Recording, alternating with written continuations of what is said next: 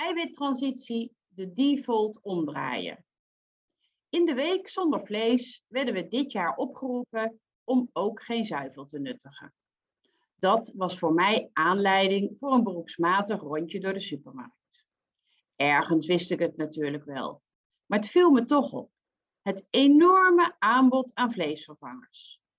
Zagen we enkele jaren geleden slechts een paar vegaburgers liggen, zien we nu bij grotere supermarkten soms wel meer dan 50 verschillende producten. Vleesvervangers krijgen veel meer schapruimte dan je qua omzet zou verwachten. En dat stemt mij blij. Want om de eiwittransitie te laten slagen, dienen alle mogelijke instrumenten ingezet te worden. Regelgeving vanuit de overheid, productinnovatie door voedingsmiddelenbedrijven en communicatie richting de consument. Een van de belangrijkste pijlers in het veranderen van consumentengedrag is het veranderen van de omgeving. We zien dat bijvoorbeeld ook bij de horeca.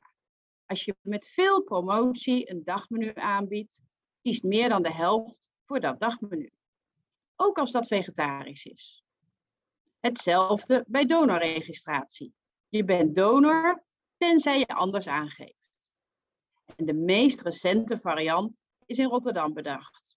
Je krijgt geen reclame door de brievenbus, tenzij je expliciet met een sticker aangeeft dit te willen. Met deze opt-out aanpak draai je de default om. Het gewenste gedrag is de eerste keus. En als je het anders wil, moet je meer moeite doen. Door de hulp van gekleurde schaplabels, logo's op producten en aanduidingen in de gangpaden kun je er als consument niet meer omheen. Ook in de koelingen, bij de kant-en-klaar maaltijden of de maaltijdsalades staan steeds vaker veganistische en vegetarische varianten.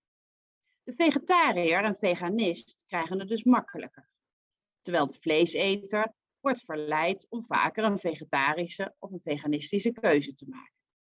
En het magazine van de winkel helpt je dan ook nog met geschikte en aanpasbare recepten. Nu nog zien dat de tip vervang de gehakt door vega gehakt en je hebt een heerlijke vegetarische schotel, omgezet wordt in dit gerecht kan ook met vlees. Vervang de vegan rulstukjes door runder gehakt.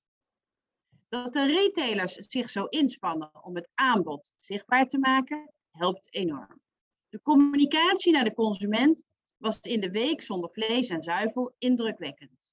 Regelgeving laat nog wat op zich wachten.